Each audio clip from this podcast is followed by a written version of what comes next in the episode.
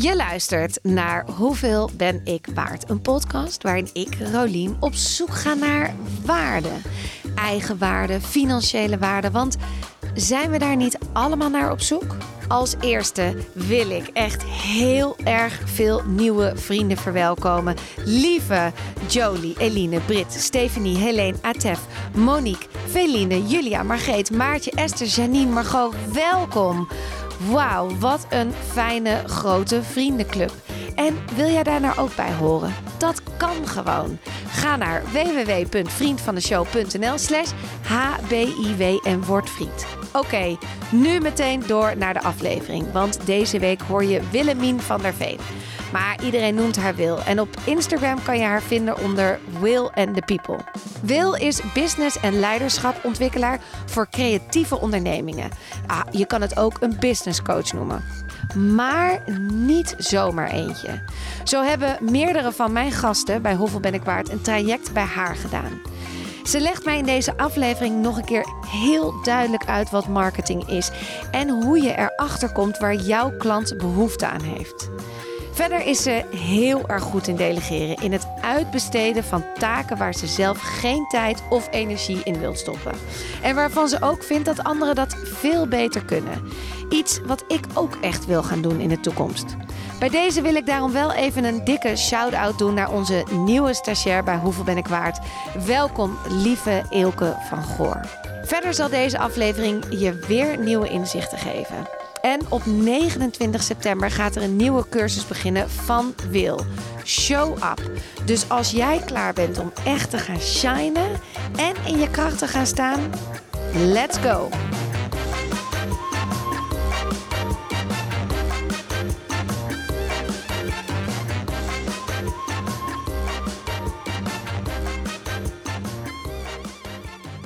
Daar zijn we. Yes. Zitten we. Leuk.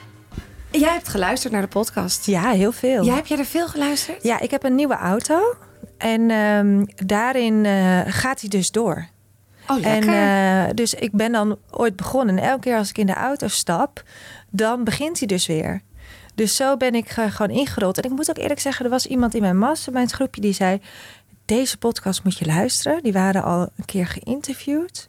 Zei, dat is een leuke podcast. En toen ben ik gewoon gaan luisteren en nooit meer gestopt eigenlijk. Wat goed. En ik luister eigenlijk helemaal niet veel podcast. Bijna niet. Dus die van jou en die van Gwen van Poorten, van Poorten vind ik ook heel leuk. Maar dat is, dat is het eigenlijk. Wat een eer. Ja, Leuk. Nou, dan weet je ook hoe ik begin. ja, Ik ga hem stellen. ja. Kom maar door. Wanneer, wanneer wist je voor het eerst wat je waard bent? Ja, en ik heb daar natuurlijk heel lang... Elke keer als die vraag wordt gesteld in de podcast... dan begint er bij mij zo'n bandje van... oh ja, wat, wat was dat dan voor mij? En ik denk de eerste keer dat ik... eh, er zijn eigenlijk twee eh, momenten dat ik, eh, dat ik het heel erg voelde. En de eerste keer was toen ik was afgestudeerd van of, afgestudeerd, mijn examen had gedaan van het VWO. Toen ben ik in eerste instantie business school gaan doen ehm, op, ehm, op het HBO. Omdat ik gewoon eigenlijk geen zin meer had om, om heel hard te leren. Ik moest wel hard trekken aan het VWO. En daar was op een gegeven moment een afstudeerrichting ondernemerschap. Dus dat heette dan business school. Dat was van commerciële economie.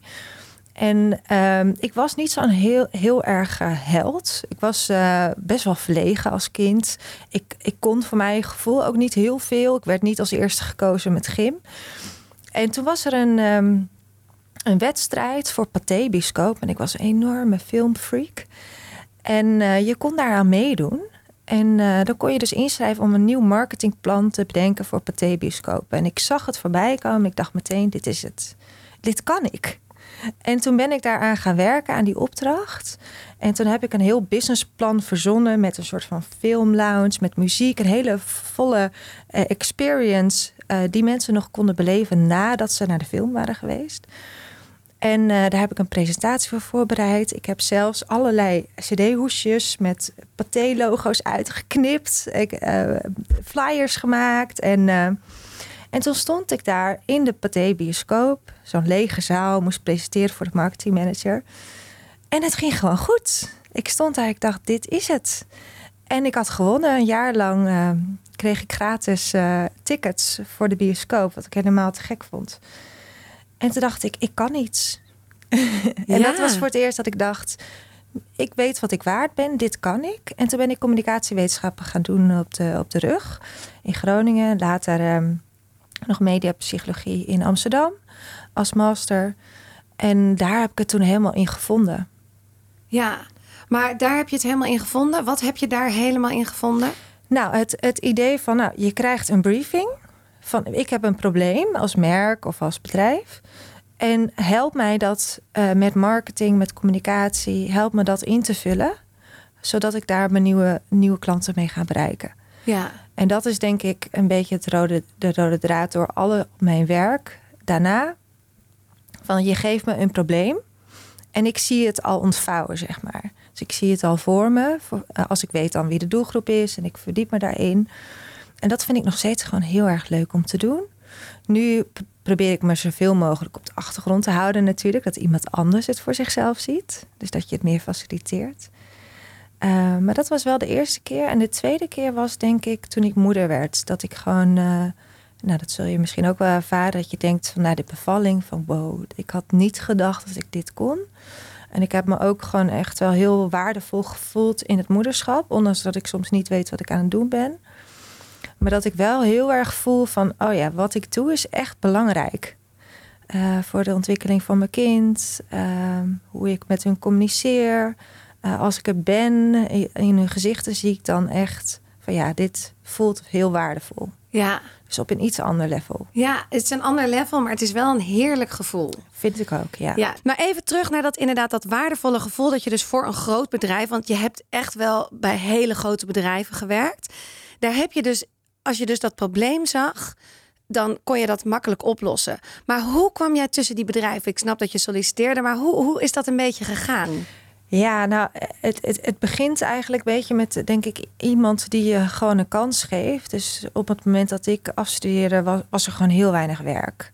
En um, uh, dus we zaten toen best wel in een crisis. Ja, want jij bent ook van 2011 was ja, dat. klopt. Oh ja, ja 2011, ja. ja. En die begon al in 2008, dus eigenlijk waren er toen heel weinig banen. Ja. Er waren heel weinig banen. En het enige, en ik weet nog wel dat ik bij recruitment agencies langskwam, dat ze allemaal zeiden van ja, je bent eigenlijk een beetje te lief om in een salesfunctie terecht te komen. Dat was eigenlijk het enige waar, waar, waar op dat moment kansen lagen, nog in de sales, om een beetje oké te verdienen.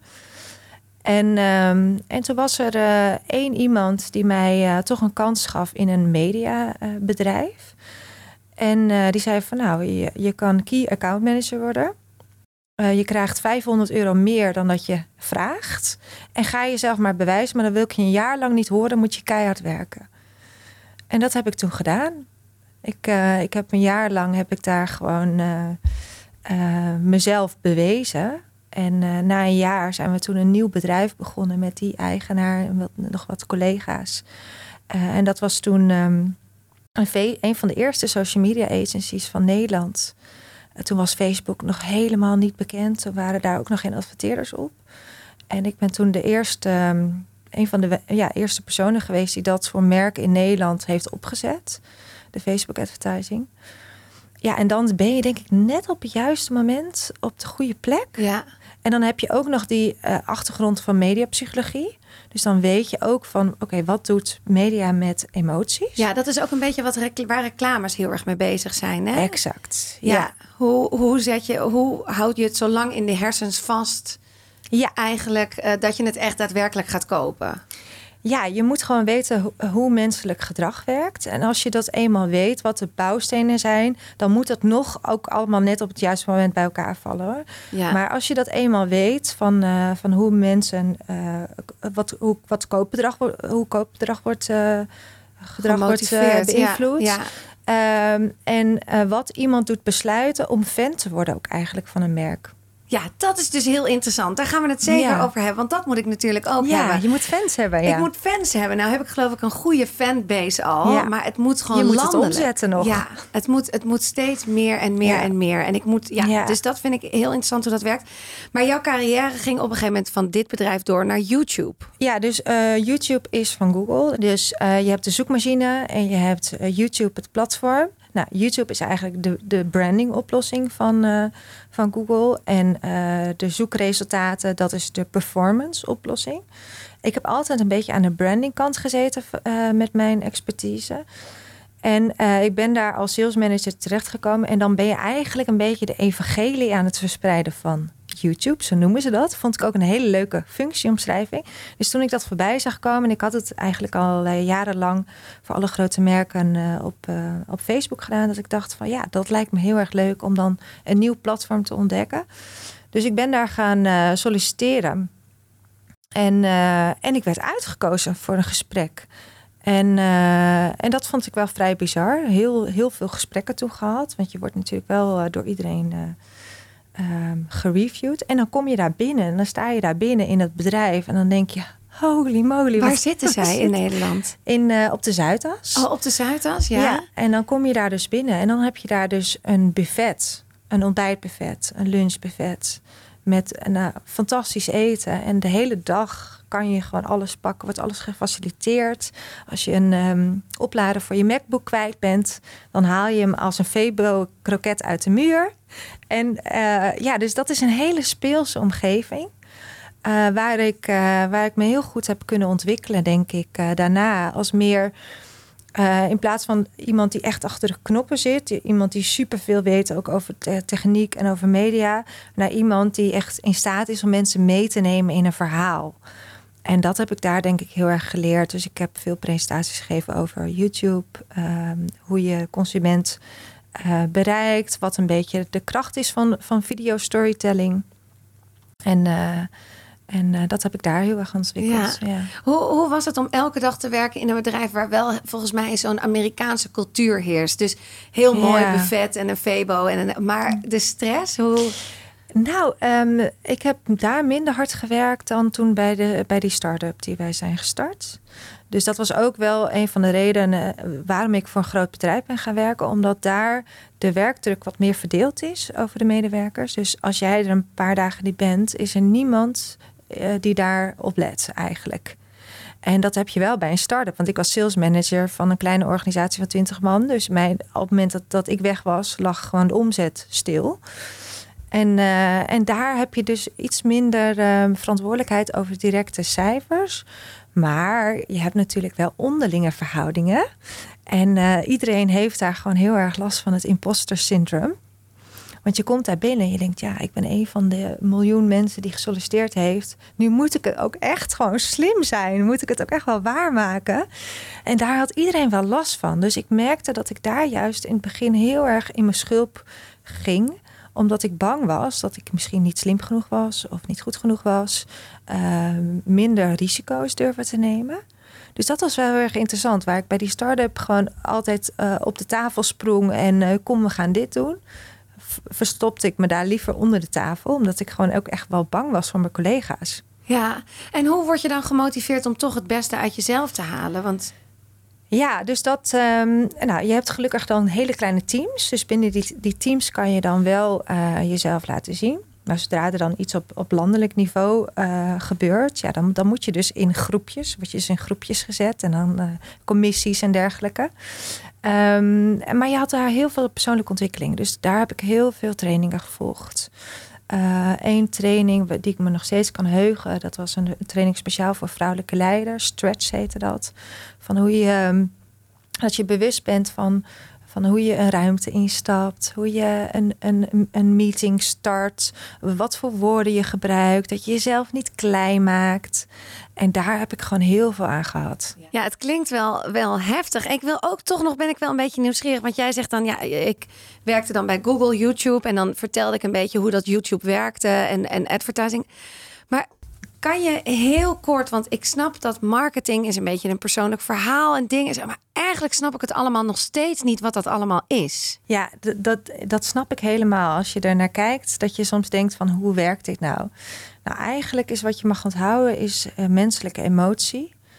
Um, dat is eigenlijk wat telt. Dus kan je iemand laten lachen? Kan je iemand een inzicht geven? Kan je iemand een resultaat geven?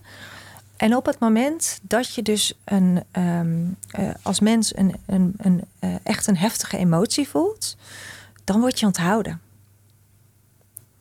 Want dat, uh, als je een emotie met een herinnering, wordt, wordt makkelijker vastgelegd in je hersenen dan zonder.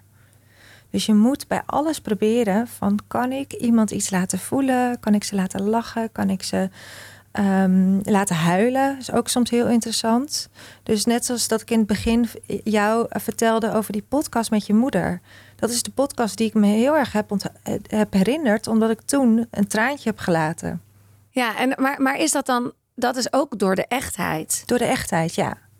Ja, en uh, de, de merken waar ik dan het meeste mee werk, werkte, dat waren gewoon merken die heel erg investeren in branding. En daar um, is het dus de kunst van hoe kan je zoveel mogelijk mensen verbonden laten voelen met dat merk. Door misschien een bepaalde humor te gebruiken. Dus een merk als Oatly gebruikt heel veel humor in hun reclame. Dat is dan een pijler. Of door misschien een merk als Dove, uh, die hele mooie storytelling. En uh, ik weet niet of je die commercial nog kan herinneren, maar daar heb ik destijds toen nog aan meegewerkt. Is dat ze um, een tekenaar hebben ingezet. Uh, dat ze, dan kon je jezelf laten natekenen. En vervolgens werd je, je tekening laten zien. En dan hadden mensen gewoon niet door hoe mooi ze waren. Dat soort impactvolle reclames, nou, daar is dan weer een, een, een hele diepe emotie bij betrokken. Wat gek, want als jij het woord dolf zegt, dan denk ik meteen, ja, positief. Iedereen mag er zijn. Elke vrouw met elke vorm, met lengte, breedte, kleur, alles. Iedereen. Dus ik heb meteen inderdaad een goede associatie met dolf. Ja. Ja, maar dat is wel allemaal marketing. Ja, ja. daar hebben ze over nagedacht. Daar hebben ze heel erg over nagedacht. Oh ja, ik denk daar nooit bij hoeveel ben ik waard over na. Nooit. Ik, heb ge ik, ik doe gewoon wat ik denk dat. Maar wat, wat is het gevoel, denk je, dat je jouw luisteraars krijgen? Nou, ik denk wel dat de hoeveel ben ik waard luisteraars uh, inzichten krijgen. Ja. Dat ze echt gaan nadenken over hoe zie ik mijn waarde. Dat is wat ik hoop en wat ik ook terugkrijg. Ja. Dus dat ze inzichten krijgen, dat ze erover na gaan denken. Um, dat, ze, dat ze echt beslissingen daarna durven te nemen van hé, hey, ik gooi het roer om iets waar ze al lang tegenaan lopen. En ineens denken ze: hé, hey, ik heb die gehoord, die heeft me geïnspireerd, ik ga het doen. Ja, en ik, ik, denk dat dat, dat stukje, dat, dat, zou je, dat zou je nog best wel kunnen uitbouwen. Dus inderdaad, van die actie van hoe uh, ik ga, je hebt nu geluisterd, maar ik ga ook iets doen. Dat is altijd heel lastig bij een podcast. Want mensen zijn onderweg, die gaan daarna een meeting in en die zijn het ik ga het doen weer vergeten. Dus dat is als je dan hebt van, van hoe kan je je podcast meer waard maken. Is dat nog wel een interessante om te kijken van hoe kan je dan mensen dat dan laat, echt laten doen? Ontzettend interessant. Ja. En, en ook wat ik nog steeds wel een beetje mis, is een bepaalde toch uh, betrokkenheid. Maar da daarom vraag ik me ook. Er zijn dingen waar ik sowieso steken laat vallen bij hoeveel ben ik waard. Ik denk dat het veel groter zou kunnen zijn maar ik ben gewoon nog steeds alleen. En dat vind ik dus ook heel interessant bij jou. Is dat jij begon natuurlijk uiteindelijk voor jezelf. Nu, hoe lang geleden? Ja, ik denk dat ik het ben gestart vier jaar geleden. Maar dat ik, ik heb nu echt drie uh, volle boekjaren, zeg maar. Dat, dat ik echt uh, omzet heb gedraaid, winst heb gemaakt. Ja. Dus, dus voor mij bestaat het bedrijf nu drie jaar. Ja. Ja, want daarvoor werkte ik nog bij Google. Toen was ik het al wel gestart, maar nog niet helemaal. Nee, je zit er nu 100% op. Dat is gewoon. Ja. Maar wat ik, ik, daarom vind ik je naam ook eigenlijk heel toepasselijk. En dat zei ook Joni, die zei: Het is eigenlijk heel interessant om aan haar te vragen: van het heet Will and the People. Ja. Waarom heet het Will and the People? Ja, omdat ik uh, altijd uh, op een gegeven moment heb ontdekt. Uh, en dat was een beetje in de transitie van dat ik bij Google wegging, dat ik mijn eigen bedrijf ging starten dat ik eigenlijk niks alleen kan. En dat dacht ik wel heel erg. Dus, dus ook die, um, die, uh, die wedstrijd voor Pathé, dat heb ik helemaal alleen gedaan. Was ik heel trots op. Ik dacht, dit kan ik gewoon helemaal alleen. Maar ik merkte bij Google dat ik, dat ik door uh, veel alleen te werken, voor dingen voor mezelf, hou dat ik juist helemaal niet zo ver kwam. En uh, op het moment dat ik heb besloten van ik ga gewoon nooit meer alleen werken, ik ga altijd nog maar in teams werken, toen opeens kreeg ik die slagkracht, die implementatiekracht die ik miste. Want ik had wel heel veel ideeën, maar ik kon ook heel erg de diepte ingaan in mijn ideeën. Dus heel erg ehm, eh, uitzoeken van hoe zit het nou, dan wil ik alles weten. En voordat ik dan in actie kwam, was ik gewoon een paar maanden verder. Dus toen ik uh, Willende People heb gestart, heb ik voor mezelf echt een besluit genomen. Ik ga niet dit alleen doen. Ik ga niet alleen werken, want dan kom ik er niet Dat kan wel in een grote organisatie, kan je nog een beetje verstoppen. Maar nu is het mijn eigen geld. nu moet ik ervoor zorgen dat ik snelheid krijg. Ja, en dat, dat herken ik dus. Ik doe dat dus niet. En er zijn heel vaak mensen die zich aanbieden voor van zal ik kunnen we een keer gaan zitten voor dit of zullen we een keer gaan zitten voor dit allemaal. En dan denk ik ja, nee, dat kan niet, want ik heb ik heb geen geld en ik heb niet dit en hoe moet ik dat dan doen en wat moet ik uit handen geven en dus ik Oh, ik ben helemaal daarin verkrampt. Zo van, maar ik merk ook dat nu, ik zit gewoon hartstikke vast. Ja. Eh, ja. want het is nu al anderhalf jaar dit. Ja, en als ik niet iets ga ondernemen, dan blijft het gewoon dit. En dan gaat denk ik ook het lampje uit.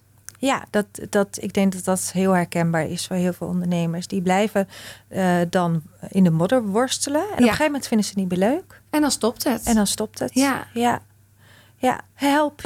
nou ja, um, ook als je geen geld hebt, dan zijn er nog steeds mensen bereid om jou te helpen. En in het begin heb ik heel veel barterdeals gesloten. Dus dat is dat je gewoon diensten ruilt. Ja. En uh, ik denk dat jij nog geen idee hebt hoeveel het waard is ook voor mensen om in jouw podcast te zitten. Ja, maar dat krijg ik heel vaak terug. Dat mensen, dat bijvoorbeeld ook Joni, en zo heb ik het er vaak ja. over gehad, van dat die zei: Moet je niet mensen laten betalen voor een stoeltje? Bijvoorbeeld dat, dat iemand bij jou zit en dat je dan. Maar, of dat je affiliate deals doet. Dat als je via. Maar dat wil ik niet, want ik wil onafhankelijk blijven. Ik vind jou net zo lief als uh, Willemijn Welten. Ja. En ik wil niet dat ik elke week iemand anders moet zeggen: Oh, deze week moet je van Willemien, van Will and the People. Die week moet je weer van. Want dan word ik ongeloofwaardig. En ik wil dus 100%. Ja, dat snap ik helemaal. Ja, afzijdig blijven. Of onafzijdig. Hoe heet dat? Uh, onafhankelijk je, ja, blijven. onafhankelijk. Ja. Maar tegelijkertijd heb ik misschien uh, kwaliteiten die jou kunnen helpen. Dus er zou, het zou zo kunnen zijn dat je in plaats van uh, dat je mij alleen uh, interviewt voor de podcast en daarna stopt onze relatie. Mm -hmm. Dat je over een paar uh, weken nog eens een keer kan zeggen van joh, hey, hoe is het? Wat heb je eruit gehaald? Dat ik jou de resultaten teruggeef. En dat ik jou ook iets geef van mijn bedrijf, wat jou weer kan helpen. Of jouw luisteraars iets geef, wat ze helpt om van luisteren naar actie te komen. Als je kijkt naar hoe marketing werkt, mensen die moeten het gevoel hebben dat ze op een rijdende trein sta stappen. Dus je kent die koekjes in Amsterdam hè, van stapelen. Er staat Ja. altijd een rij buiten. Ja. Nou, ja. er is ooit iemand in die rij gaan staan. En vervolgens zijn daar mensen ook in gaan staan. Er zijn mensen die die rij hebben gedeeld. En nu staat er altijd een rij. En uh, op het moment dat jij zegt van... oh, ik heb nog maar zoveel luisteraars... Um, uh, en dat is nog niet genoeg, ik heb er meer nodig... dan gebeurt er in het hersenen van de luisteraars een soort van rode vlag. Dat is nog niet succesvol. Waarom zou ik meedoen? Dus ik uh, formuleer het eigenlijk verkeerd. Ja, dus, dus alleen maar als je die pitch net even iets anders insteekt. Ja. Uh, en, um, en bewijzen van uh, die rij creëert. Van waarom wil iemand daarbij horen? Ja. En voor mij, en, en als je vraagt van nou, ik heb drie euro nodig omdat ik wil vliegen, voelt het voor mij bijna als, als een manier van bedelen. Ik ja. denk dat het voor jou ook heel, heel ongemakkelijk voelt. Absoluut. Maar als jij zegt van joh, uh, als jij bij de club komt en daar staan nog tien video's die je helpen om daadwerkelijk uh, te implementeren wat je hebt geleerd. En je, je, je hangt daar een duidelijk probleem aan. Dan is het voor mensen misschien een incentive om bij die club te horen. Ja. En ook nog als ze zien, als mensen daar resultaten bij behalen. Ja. Ja, dat is waar. Nee, en ik heb ook het gevoel dat mensen echt, echt hier iets uithalen. Dus ik Ja. geloof dat er 100% waarde in zit. Alleen vertel ik hem verkeerd, denk ik, nog naar de buitenwereld. Ja. En ook omdat ik dan soms... Ik was nu afgelopen zaterdag op een verjaardag... en ik zat daar te praten met een stel. En hij, die zei, hij zei, ja, ik ben lid van Podimo. Ik zei, oh, nou, wat goed, weet je. Want Podimo is natuurlijk nu een soort Netflix onder de podcast. Ja. Nou, dat is een hele goede verbetering. Want dan komt er gewoon geld. Er gaat ruimte komen voor nieuwe podcast. Nou, dus daar hadden het over. Hij, ja, ik vind het ook echt heel kneuzerig. En, want ik zei, ja, ik doe dat met vriend van de show. En dan 3 euro eh, vraag ik per maand. En dan zei ja, dat vind ik, sorry, vind ik echt zo kneuzerig. Mensen die boven de 30 dan een beetje voor 3 euro per maand gaan... Nou, jongen, ik werd een soort rozijn op die stoel. ik dacht echt... Ja, oké. 3 euro is gewoon ook net te weinig. Het Jij te- kan er niks mee. Iemand voor iemand anders is het te weinig commitment. Ja. Ja, Voor maar 3 en- euro ga je waarschijnlijk ook niet inloggen op een omgeving om nog iets extra's te zien. Het moet een beetje pijn doen. Ja, is dat ook wat mensen eigenlijk een beetje pijn doen? Ja, want, want als mensen het zelf hadden gekund, dan hadden ze het zelf wel gedaan. Dus een investering moet een klein beetje pijn doen om jezelf in beweging. Ja, en ik denk echt waar het bij de podcast op dit moment fout gaat, is dat ik niet ergens niet investeer in nieuwe mensen. Dus ik ben niet bezig met bijvoorbeeld LinkedIn gebruik ik nul. Helemaal nul. Nou, dat is, dat, is, dat is niet handig. Ik moet daar gewoon zichtbaar zijn. Dat zou, de, de mensen, de vrouwen die zich ontwikkelen en zo, die zitten daarop de ondernemende vrouw. Dus dat is al daar moet ik gewoon, dat moet ik gewoon uitbesteden. Moet gewoon iemand inhuren één keer per maand ik, en zeggen: Ik wil een dag van je afnemen, acht uur. En daar moet je gewoon allemaal posts in maken. Uh, zoiets. Ja, want hoeveel kan iemand die dit elke dag doet, wel doen in acht uur? Voor ons kost dat waarschijnlijk 30 uur als wij ermee bezig zijn. Want wij zijn daar niet, niet de beste in. En zo probeer ik ook altijd te kijken naar wat mijn VA in twee uur kan. Is tien keer zoveel dan wat ik in twee uur kan. Want ik denk overal veel te veel bij na. Het is mijn eigen bedrijf. Dus dan denk ik na van, oh ja, dan krijg ik een, een mail. En denk ik, oh, ik ga diegene even opzoeken op Instagram. Kijken wie het oh, is. Zo gaat het helemaal. Ja, en ik ben soms ook alles kwijt. Zij want het hem komt, al lang beantwoord. Precies. En het komt via de DM, het komt via de mail. Het komt, en, en, en, en ben ik het ook kwijt. Dan ben ik... Ik had laatst iemand die me benaderde voor een, een uh, echt een, een partnership zeg maar, voor dat iemand die wil adverteren. Ik heb geen idee meer waar dat berichtje oh, is. Ja, je staat kan dan ergens niet meer vinden. Nee, kan, ja. echt. Dus het is ook onoverzichtelijk. Maar want daar wil ik even terug naar jou. Is dat jij volgens mij heel goed bent in delegeren. Ja, maar dat, dat heb ik wel, uh, dat was ik niet. Dat heb ik echt moeten leren. Dus uh, ik probeer mezelf daarin ook continu uit te, te dagen. Dus ik heb, ben begonnen met een, uh, een social media creative. Die werkt nog steeds voor mij. Dat is, um, zij is gewoon heel goed en heel snel. En um, uh, soms pak ik hem weer terug, want dan denk ik vanuit mijn ego van, oh, ik kan dat toch beter, want ik weet beter wat mijn doelgroep wil. Nou, wat er dan gebeurt is dat ik dan een paar uh, lang meer likes krijg, maar op de lange termijn ergens anders ga verzaken in mijn bedrijf waar het geld verdiend wordt.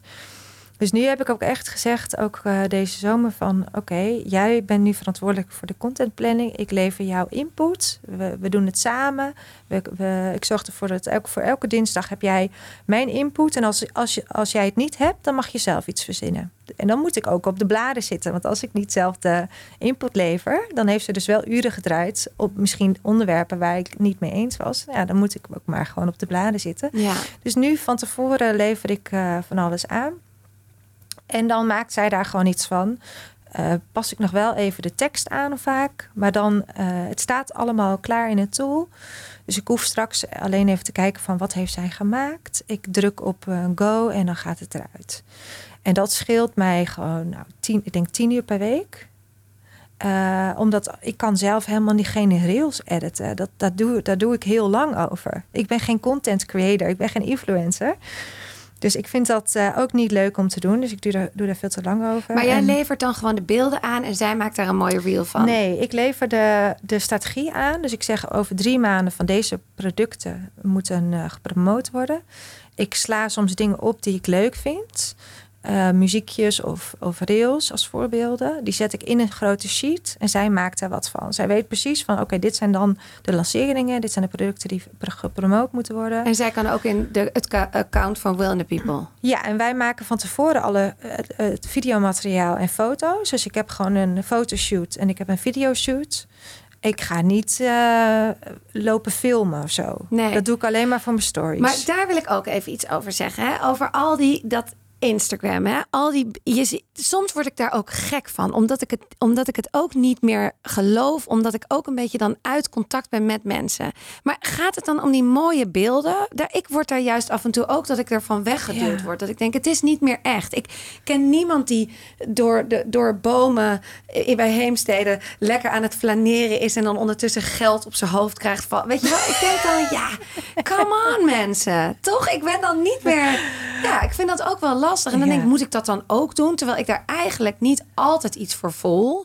Ik, ja. ja, het hangt een beetje af wat je doelgroep is. Dus mijn doelgroep is heel erg de, de esthetische, uh, creatieve ondernemer.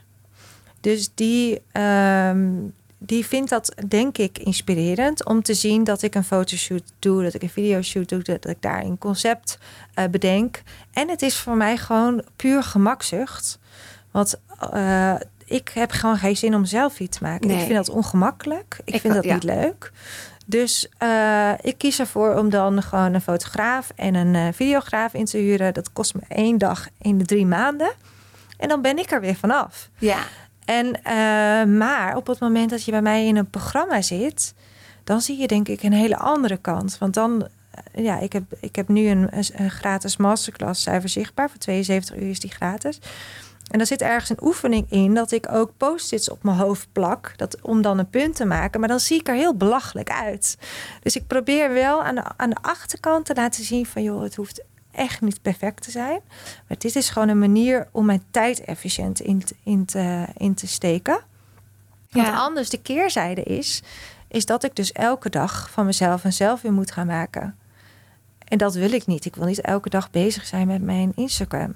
Nee, ik, dat snap ik. Ik snap nu heel goed wat je hierin ja. bedoelt. Van ik doe één blok één dag en dan drie maanden heb ik content en dat doe ik Precies. één keer in dezelfde tijd. Sowieso leidt Instagram gewoon af. Is het gewoon een van de grootste voor mij. Uh, ik vergelijk mezelf. Ik ben altijd aan het kijken naar anderen. Dus dit, dit, dit is sowieso een enorme afleiding. Dus Maakt onzeker. Maakt enorm onzeker. Ja, ik hoorde gisteren waren er ook alweer posts uh, van mensen die zeiden: wat, wat, wat doen we hier met z'n allen eigenlijk nog? Weet je wel. Het ja. Gewoon, maar ja, het is een marketingkanaal. Je hebt het je wil die zichtbaarheid ook hebben. Maar ja, dat vind ik een lastig verhaal. Ik, maar vind, nog... ik vind wat dat betreft, vind ik e-mail marketing vind ik de fijnste manier van marketing. Daar verkopen wij ook het meeste op. Als iemand een e-mail krijgt. Nee, we hebben gewoon een aantal mensen die de producten hebben gekocht. Die zijn ja. fan van de producten. Die krijgen elke week een e-mail met een nieuwe podcast. Is gewoon een monoloog waarin ik uh, een les deel. Of een uh, niet zo professioneel als jij, maar gewoon prima wat ik kan doen. In een uurtje één take. En uh, daar, dat is mijn voornaamste marketingkanaal. Ja. Dus als Instagram, als ik wil stoppen met Instagram, vind ik dat ik die, die vrijheid moet kunnen voelen om dat, uh, om dat te doen. En, en dan voel heb je ik, die? Ja, ik denk, ik denk wel dat, dat ik op een gegeven moment, als dat mijn e-maillijst zo um, groot is, dat ik dan kan zeggen van joh, ik stop een keer met Instagram. Of ik ga het volledig uitbesteden dat ik er nooit meer naar kijk. Ja. Dat ik gewoon iemand anders er helemaal opzet, ook op de DM's. Want ik vind het wel uh, dusdanig um. Ook in combinatie met een gezin. Uh, dan ben ik al nog heel erg bewust. Maar ik val er ook af en toe in een valkuil. Dat ik mezelf soms echt zie zitten. En dat iemand de aandacht van me vraagt. En dat ik gewoon niet ben. Vind ik heel heftig soms. Ja, ja is het ook. Dat is ook zonde. Heel zonde. Hey, even terug nog naar dat delegeren en, dat, en, en, ja. en personeel en zo. Hoe, hoeveel mensen heb je in dienst in de zin van hoeveel ZZP'ers werk je mee samen? Ik heb een social media creative. Ik, heb, ik had twee VA's. Ik heb er nu eentje. Eentje is gestopt. Vind ik nog steeds heel, heel jammer. Maar die heeft zelf een hele succesvolle VA-school. Dus ik moet er eigenlijk weer eentje bij. Iets meer technisch. Dus iemand die op de klantenservice zit en iemand die echt uh, de de technische systemen een beetje aan elkaar uh, breidt. Ik heb iemand die mij helpt met e-mail marketing. Dat is een barterdeal. Dus ik help haar om haar uh, um, uh, online school te zetten. En zij helpt mij met mij. Um, en dat zijn eigenlijk is het core team. En dan heb ik nog freelancers als in de zin van fotografen die ik dan elke keer erbij zoek. En ik had een designer, de Wiebes Agency. Die is nu ook richt zich ook een beetje op haar eigen uh, academie.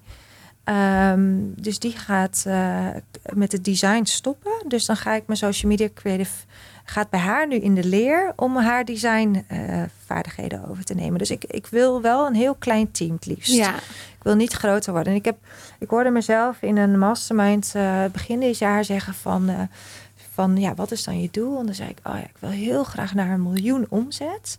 En toen hoorde ik het mezelf zeggen. En iemand vroeg ook, waarom wil je dat dan? Ik zei, nou, het lijkt me gewoon heel tof om dat een keer te bereiken. En toen legde ik uh, de Zoom-call op en dacht ik, waarom wil ik dit eigenlijk? Dus dan weer zo'n typisch geval van dat je dan net even te veel op Instagram hebt gekeken. En dat je dat, je dat om je heen hoort. Denk van, oh ja, waarom wil ik nou een miljoen omzet? En uh, toen ben ik bij mezelf heel erg gaan nadenken. Want het, de keer, want het, het betekende toen dat ik had een hele grote business school. Dat was de Shine Business School. Dat waren, waren 25 deelnemers, duurde een half jaar. Nou, dat moest ik dan blijven doen. Ik moest nog, nog drie nieuwe producten erbij, online cursussen. En ik moest een één op één traject, wat heel exclusief was, erbij doen. Dus dat was mijn plan om, om naar die miljoen te gaan. En ik keek daarna en ik dacht, ik heb hier zo geen zin in. Dus toen uh, heb ik op een gegeven moment gezegd van... ik stop ermee, begin dit jaar. Ik, doe, ik focus me alleen even op die kleine instapcursussen. Want die zijn heel goed. En Daarvan weet ik 100% zeker dat iemand de return of investment meteen haalt. Ja. Eh, daar zijn mensen ook mega fan van. Ook van de, van de, van de coachingprogramma's. Maar dat kost mij heel veel energie. En ik heb gewoon gedacht van oké, wat als ik dit nu even een tijdje ga doen? En toen merkte ik dat ik ook wel met minder mensen toe eh, kon. En nu ben ik dat gewoon heel langzaam weer aan het uitbreiden. Ik denk dat ik het uiteindelijk misschien nog wel op dezelfde omzetprognose uit ga komen. Maar wel heel erg vanuit van wat wil ik nou doen? Wat, Ja. wat, eh, waar wil ik mijn energie aan eh, besteden? Want ik wilde ook een fulltimer aannemen dan. En ik kreeg het al helemaal Spaans benauwd van, de, van die gedachte. Dat ik dan een fulltimer had zitten terwijl ik twee maanden eh, op de camping stond in Bakken. Ja. Waar moet hij dan zitten? Ja, maar ik, dat vind ik dus wel heel mooi om bij jou te zien. Is dat je volgens mij dus ook zoveel uit handen geeft. Dat je echt ook nog een heel goed leven Ja. daarnaast hebt. Ja, dus ik ben net eh, zes weken vrij geweest. Ehm, Maar dan loopt dus alles door. ja, dus de online verkopen die lopen gewoon door. Doordat we advertenties hebben aanstaan Waar heb je die advertenties aan staan? op Instagram. Dus dat zijn adver- advertenties naar verschillende producten. Is echt niet heel veel op een dag. Maar in ieder geval dat er elke dag wel verkopen eh, binnenkomen. En daar haal ik gewoon de basis uit. Daar kan ik mezelf van betalen. Mijn, mijn social media creative. Daar kan ik mijn VA van betalen. Ehm, en, eh, en op het moment dat ik een lancering heb, dan, dan, dan heb je opeens een enorme eh, cashflow, zeg maar. Ehm, maar eh, de basis kan gewoon, en dat had ik vorig jaar niet, want toen was ik met eh, zwangerschapsverlof. En toen merkte ik dat ik gewoon heel onrustig was in mijn verlof. En ik dacht, ik ga het jaar erop beter doen. En dat is nu gelukt. Dus dat loopt nu gewoon, eh, de basis staat nu. Dat loopt altijd door. Het maakt niet uit wat ik daarvoor doe. Nee. Laten we het even over cijfers hebben, inderdaad. Ja, Echte cijfers. ja, Er lopen dus meerdere cursussen online. Ja. En je hebt in het begin van het jaar heb je dat dit jaar gedaan. Wat je, ik hoorde je net iets zeggen over 2500 deelnemers. nee, 25 deelnemers Oh, per 25. Oh, eh, ik dacht coachingprogramma. 2500. Ik denk, hoe doe je dat? 25 per. Eh, dat is echt een coachingstraject van een paar maanden. Hoeveel betaal je Ja. voor zo'n cursus? Eh, 2500 euro. Ja. Eh, en er was nog een soort van ehm, eh, extra optie met een coach erbij. Dat was, wa- dat was iemand die het programma had afgerond, die ik zelf heel goed vond. Eh, dus daar betaalde je 4000 euro voor. Dus voor zo'n lancering ehm, schreef ik meestal iets van 70.000 euro erbij aan omzet. Dus op het moment dat ik die lancering deed, ik 70.000 euro. Maar ja, dat moet je dan nog wel over die maanden gaan uitspreiden. En daarvoor moet je wel heel veel coaching leveren in de community. Elke maand eh coaching sessies. Ik keek alle opdrachten na. Dus uiteindelijk, als je dat over die maanden uitspreidt, was dat nog best wel veel werk. ja, en je maandelijkse kosten. Want hoeveel zijn jouw maandelijkse kosten? Nou, dat, dat is niet zo heel veel. Dus dat is, even kijken, aan mijn VE betaal ik nu 1000 euro. Ik betaal aan mijn so- social media creative denk ik nu ook ongeveer 1000 euro. En de rest zit in tools. Dus laat het 4000 euro Maar zijn. dat vind ik, ik, jij vindt dat niet zoveel. Ik vind dat wel. Ik weet niet waar ik dat nu moet ophoesten. Ja, maar dat is heel geleidelijk zo gegaan, hè? Ja. Dus ik, ik, ehm, wat ik wel ervaar is op het moment dat ik een freelancer erbij neem, dat mijn omzet ook altijd stijgt. Dus dat is wel heel prettig. Ja. Of omdat ik zelf harder ga rennen, of omdat ik met de, met de betere dingen bezig ben die, die sales opleveren. Dus ja, dat, mijn omzet is gewoon elk jaar verdubbeld. Ehm, doordat ik alleen maar ben gaan focussen op het creëren van coachingproducten en op sales. Eh, en dan kom, er komt er nog eh, budget bij voor advertenties. Maar dat kan ik een beetje zelf bepalen hoeveel ik daarin uitgeef. Ja. Dus eigenlijk alleen maar om nieuwe e-mailadressen te, te Oh, verzamelen. Ja. Ja, want dat is dus eigenlijk wel een beetje, dat is echt wel Ja. waarde. Ja, dat E-mailadressen, dat, echt hoorde ik laatst ook. Dat iemand zei, Ja. je moet dat echt verzamelen. Heb je dat al? Nul. Ik heb Nee? er nul. Oh, Ja, en als ik wel eens een oproep doe, dan zijn er drie mensen die het. En dan vervolgens noteer ik het niet. nee. Oh ja, ja, ja, dus ik ben interessant. zo slecht hierin. Maar dat komt ook omdat ik denk soms dat ik vergeet. Kijk, ik dacht gewoon, ik word Chantal Jansen van de podcast. Ik mag gewoon met heel veel mensen in gesprek. En dat is mijn expertise. Dat is wat ik kan. Soms word ik nu dus ook gedrukt in een hoek. Dat ik dus sales moet gaan doen. Of dat ik meer dingen ga verkopen. Of dat ik bij wijze van spreken dat mensen denken dat ik coaching ga doen of workshops. Ja. Maar dat is niet wat dat is niet mijn expertise. Nee, nee. Mijn expertise is praten over waarde en mensen aanzetten. Doe jij wel eens sprekersopdrachten? Nee, Is dat niet jouw ding? nee. Nee, ik voel er niks bij. Ik heb heel veel eh, presentaties gegeven in mijn leven voor groepen, organisaties. En ik, ik vind het gewoon heel fijn om mijn eigen mensen uit te kiezen. Ja. En ik vind dat dan in zo'n zaal weet ik niet wie er zit. En dan, ik vind het dan heel lastig om mijn verhaal daarop op af te stemmen. En ehm, ja, mijn overtuiging is toch licht ondernemen. Dus eh, op het moment dat ik daar sta, dan geef ik daar mijn verhaal. Dat is dan vaak niet opgenomen. En dat is daarna weer weg. Ja. En op het moment dat ik het online doe.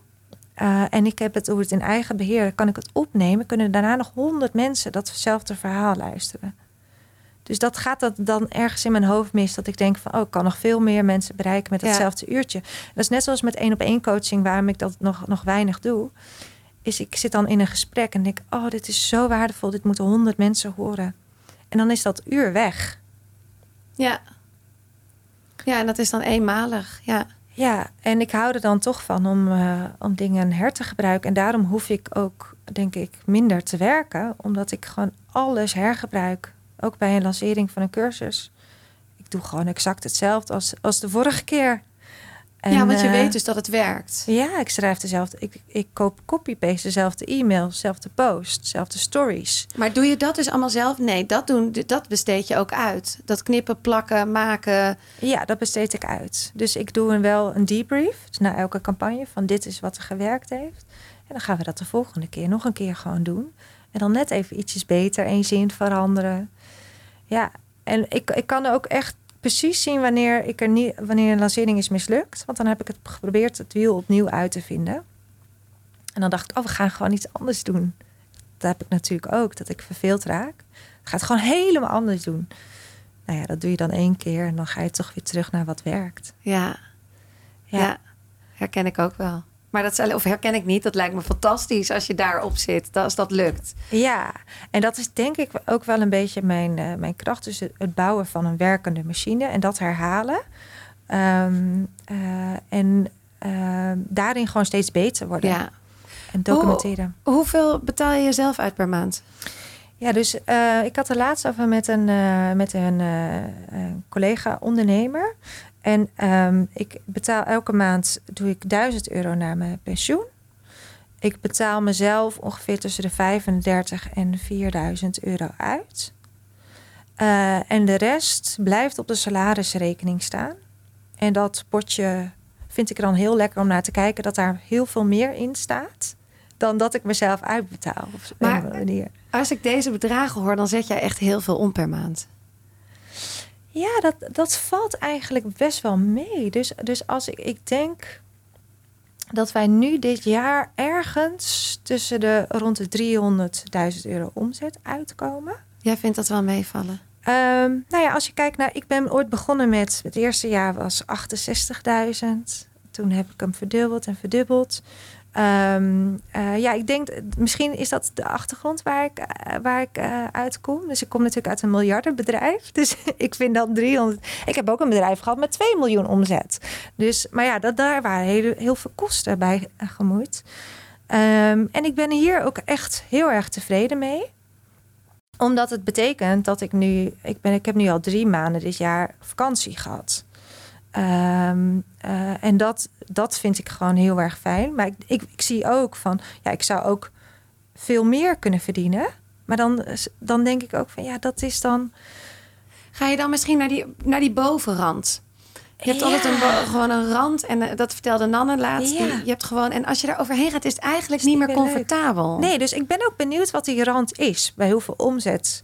Want, want op een gegeven moment moet je dan meer mensen gaan aannemen. Dan heb je, maak je weer meer kosten. Dus ik ben inderdaad nieuwsgierig naar waar die rand zit. En eh, ik, ik, ik moet ik zeggen, ik vind het bedrag wat ik mezelf nu uitbetaal, vind ik meer dan voldoende. Ik hoef niet meer. Dus als ik nu meer zou verdienen, zou ik misschien meer mensen aannemen en nog minder werken. Ja. Want meer heb je niet nodig. Nee, dat is dus die. Waarom heb je meer? En, en, en merk je, doe je ook dingen terug? Geef je, ja, ben je zeker. Ook, ja? ja. Ja, dus ik heb laatst nog. eh, en ik doe, dat, ik doe dat niet heel structureel, maar ik, ik zie dan dingen voorbij komen. Denk, oh ja, daar wil ik, wil ik eh, dingen in eh, investeren. Dus ik heb laatst ehm, in de Pauluskerk heb ik donaties gedaan van iemand die. vond ik zo'n mooi verhaal. Ik ben even haar naam kwijt, maar het stond in de Volkskrant van een vrouw die is straatarts.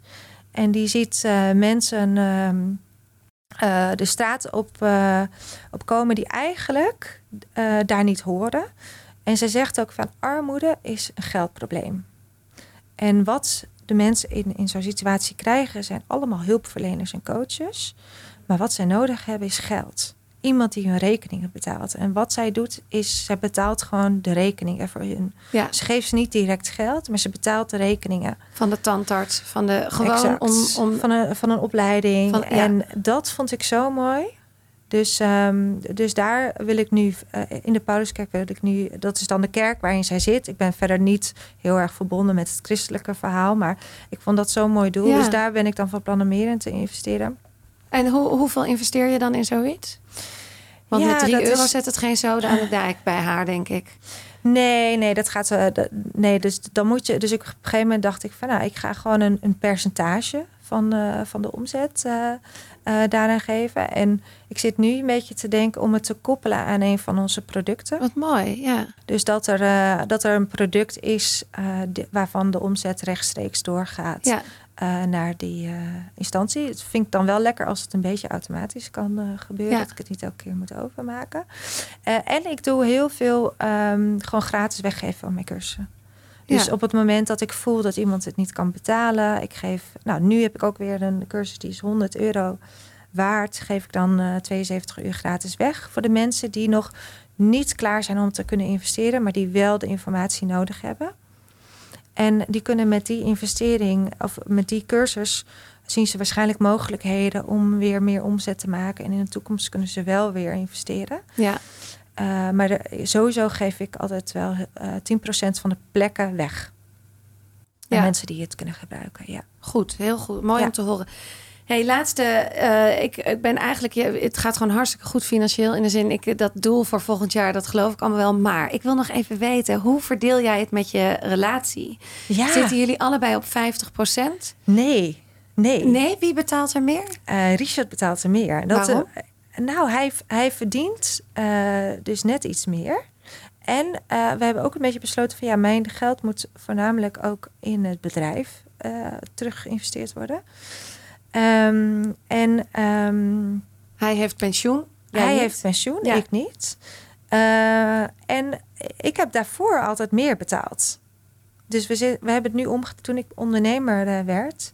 daarvoor verdiende ik twee keer zoveel als hem. Dus betaalde ik meer. En nu betaalt hij meer. Eh, maar ik, eh, we zitten nu wel een beetje zo langzamerhand dat ik denk van... oh ja, we kunnen eigenlijk wel in het midden gaan zitten en, eh, binnenkort. Voelt ook weer goed voor mij. Ja, toch? Ja, want je krijgt toch een scheve verdeling hoor. Ja, want ik. nu ben jij weer verantwoordelijk voor het huishouden. Of niet? Nee, dat doen Oh, we dat wel niet. samen. Maar ik haal de kinderen gewoon de, de, vaker op. Ja. Dus ik haal de kinderen van school, behalve op maandag. Dan, en op woensdag, dan doet hij het. Maandag hebben ze BSO. Dus de rest doe ik. En, eh, maar we hebben het wel redelijk eh, gelijk verdeeld. Hebben jullie vaak deze gesprekken? Ik vind het- dat is op zich wel interessant. Want ik vind dus niet dat als het dat een meer betaalt, dat de ander dan meer moet doen in Nee. het huishouden. Maar dat gebeurt wel vaak. ja, Dat, dat is wel vaak hoe het onbewust gaat. Ook Ja. al is niet de ene partner, is het, er, is, het is nooit zo bewust gedaan, maar het- vaak is het wel zo. ja. Ja, Of ja. dat je bijvoorbeeld. ik denk dat hij gewoon beter is in het huishouden. Ja, is hij beter in het huishouden? Ja, hij maakt schoon, hij doet de was. Ik doe koken en, eh, en eh, boodschappen doen. Wat ook veel tijd kost Want natuurlijk. net zoals bijvoorbeeld de taken die ook in een relatie met kinderen vaak zijn, is dat ik vind de, de emotie, dat emotionele stukje van wie doet de tandarts, wie zorgt dat ze naar de BSO gaan, wie zorgt voor de oppas, wie, dat vind ik een hele zware taak. Ja, Dat is, dat is on, om enorme belasting Ja. in mijn hoofd. Van, oh ja, die gymschoenen moeten nog. Oh ja, dit moet nog. Ja. Oh ja, dit is een partijtje binnenkort. Moet een uitnodiging vooruit. Blablabla. Het gaat maar zo door de hele dag. ja. Bij wie is dat bij jullie? Wie doet dat? ja, Richard doet daar meer in dan ik. Echt? Ja. Oh, wat een heerlijke man. Nou, Ja, mijn man ook hoor. Maar ja, Ja, en, maar dat komt omdat ik, eh, dat ik niet, ben gewoon niet zo goed in het organiseren. Ik vergeet heel veel dingen. Dus hij is daar gewoon heel goed in. Uh, dus ik doe dan uh, meer uh, de, ja, de, de, de leuke dingetjes, zeg maar. Dus speelafspraakjes en maar dingen van regelen met, met school en, en, de, financiën en dergelijke. Dat doet hij. Want hij is daar gewoon veel punctueler in. Als ik dat zou doen, dan zouden we denk ik elke maand een brief krijgen van de Belastingdienst. en storten jullie het gewoon allebei een, een, een x naar de huisrekening? Ja. Elke maand, automatisch bij jou, maar... Ja. Ja. Ja. Ja. Ja, ja en dat is nu dus hoeveel doet hij? Hoeveel doe jij? Um, hij doet... Ik denk dat hij iets van 1850 doet en ik iets van 1375. Oh, dat vind ik echt netjes dat jullie daarvan kunnen rondkomen. Ja, wij hebben, uh, ja, dat is dan wel weer. Uh, ik ben al redelijk vroeg begonnen met huizen kopen. Dus ik heb een paar keer huis gekocht Geflipt. en verkocht. Ja, ja, ja, ja. Dus onze maandlasten zijn niet zo heel hoog. En dat is ook wel, denk ik, nu waar we heel erg in zitten. Dat je soms denkt van, oh ja, we zouden natuurlijk ook nu een, een, een vrijstaande boerderij ergens kunnen kopen. Maar dat doen we bewust niet omdat we dan meer moeten, uh, meer geldstress hebben, meer moeten gaan werken, meer verantwoordelijkheden hebben. Dus dit is echt heerlijk wat we nu hebben. Ja. Ook al zou ik soms echt wel uh, groter willen wonen of meer buiten de stad. Ik, kiezen heel erg bewust voor deze kosten voor het huis. Ja. ja. En we zijn nu wel bezig. Kunnen we misschien een, een appartementje kopen om te, om te investeren? Ik investeer ook in, uh, in bitcoins, maar dat mag nog niet echt een naam hebben. Maar die, ik vind het zo zonde om zoveel geld aan maand, maandlasten te besteden. Is het ook? Dus in plaats daarvan hebben we gewoon een caravan en een bakken, wat al onze uh, vrijheden en uh, wensen invult. Ja, daar op Camping Bakkam. En dan sluit ik hem daarna af, want we zitten weer veel te lang te kletsen. Maar op Camping Bakkam is mijn allereerste horecabaantje. Bij die ijssalon op dat pleintje. Ja, want mijn tante had ook vroeger een caravan op Bakkam. Maar toen was het niet zo chic als nu. Hè. Toen was het gewoon plebs uit Amsterdam wat ja. een caravan had. En daar stond je ook kriskast door elkaar. Maar dat was mijn eerste baantje. Uh, zes weken lang softijs uh, in zo'n horentje oh, doen. fantastisch. En ik heb me nog nooit zo waardeloos gevoeld als daar in die toko. Hij, die man was zo onaardig tegen ja, mij. Ik, uh, is het nog hetzelfde? Volgens mij is het nog steeds ja, ik Peter. Zie... Of je weet ik voor hoe die heet. Volgens mij heet die Peter. En hij ik zie altijd hem kijken. Ik zie hem kijken af en toe naar zijn personeel. Ja. ja, en dat is dus al 25 jaar maar geleden. dat is dan wel een goed voorbeeld van iemand die wel werk delegeert, maar die erbij staat te kijken nou, en die bizar, het eigenlijk hè? niet delegeert. Nee, dus hij laat het niet los. Hij zat Hij er bovenop ja. als ik een softijsje maakte. En dan was het een Je grote, kleine. Ik dat het niet goed is. Nou, ik heb zo vaak dat ik gewoon in paniek... of als ik aan het schoonmaken was dat het weer niet goed was. Nou, echt afgrijzelijk. Ja, ja. Maar ik geloof wel weer dat ik dan 10 gulden per uur verdiende. Waardoor ik dacht, ja... Ja, dan take my bed. Weet je, Ja. Dan, eh, ja. Dan, maar, dan maar daarvoor. Ah, afgrijzelijk. Ja, dat snap ik. Ja, en hij staat er nog steeds. Maar wel een leuke plek, Camping Bakken. Ja, het, is, eh, dat is gewoon weer even de, je connectie met de natuur. En, eh, en eh, geen filmpje, geen tablets, geen school. Geen, je, hoeft daar, je moet daar niks. Nee. En je mag daar gewoon lekker zijn. En dat Ja. vind ik heerlijk. Ja, hè? ja, mooie plek. Ja. Dit was hem. Dankjewel. Dit was hem voor deze week. Check zeker even Wils nieuwe programma Show Up. En voor nu, tot de volgende. Thank you.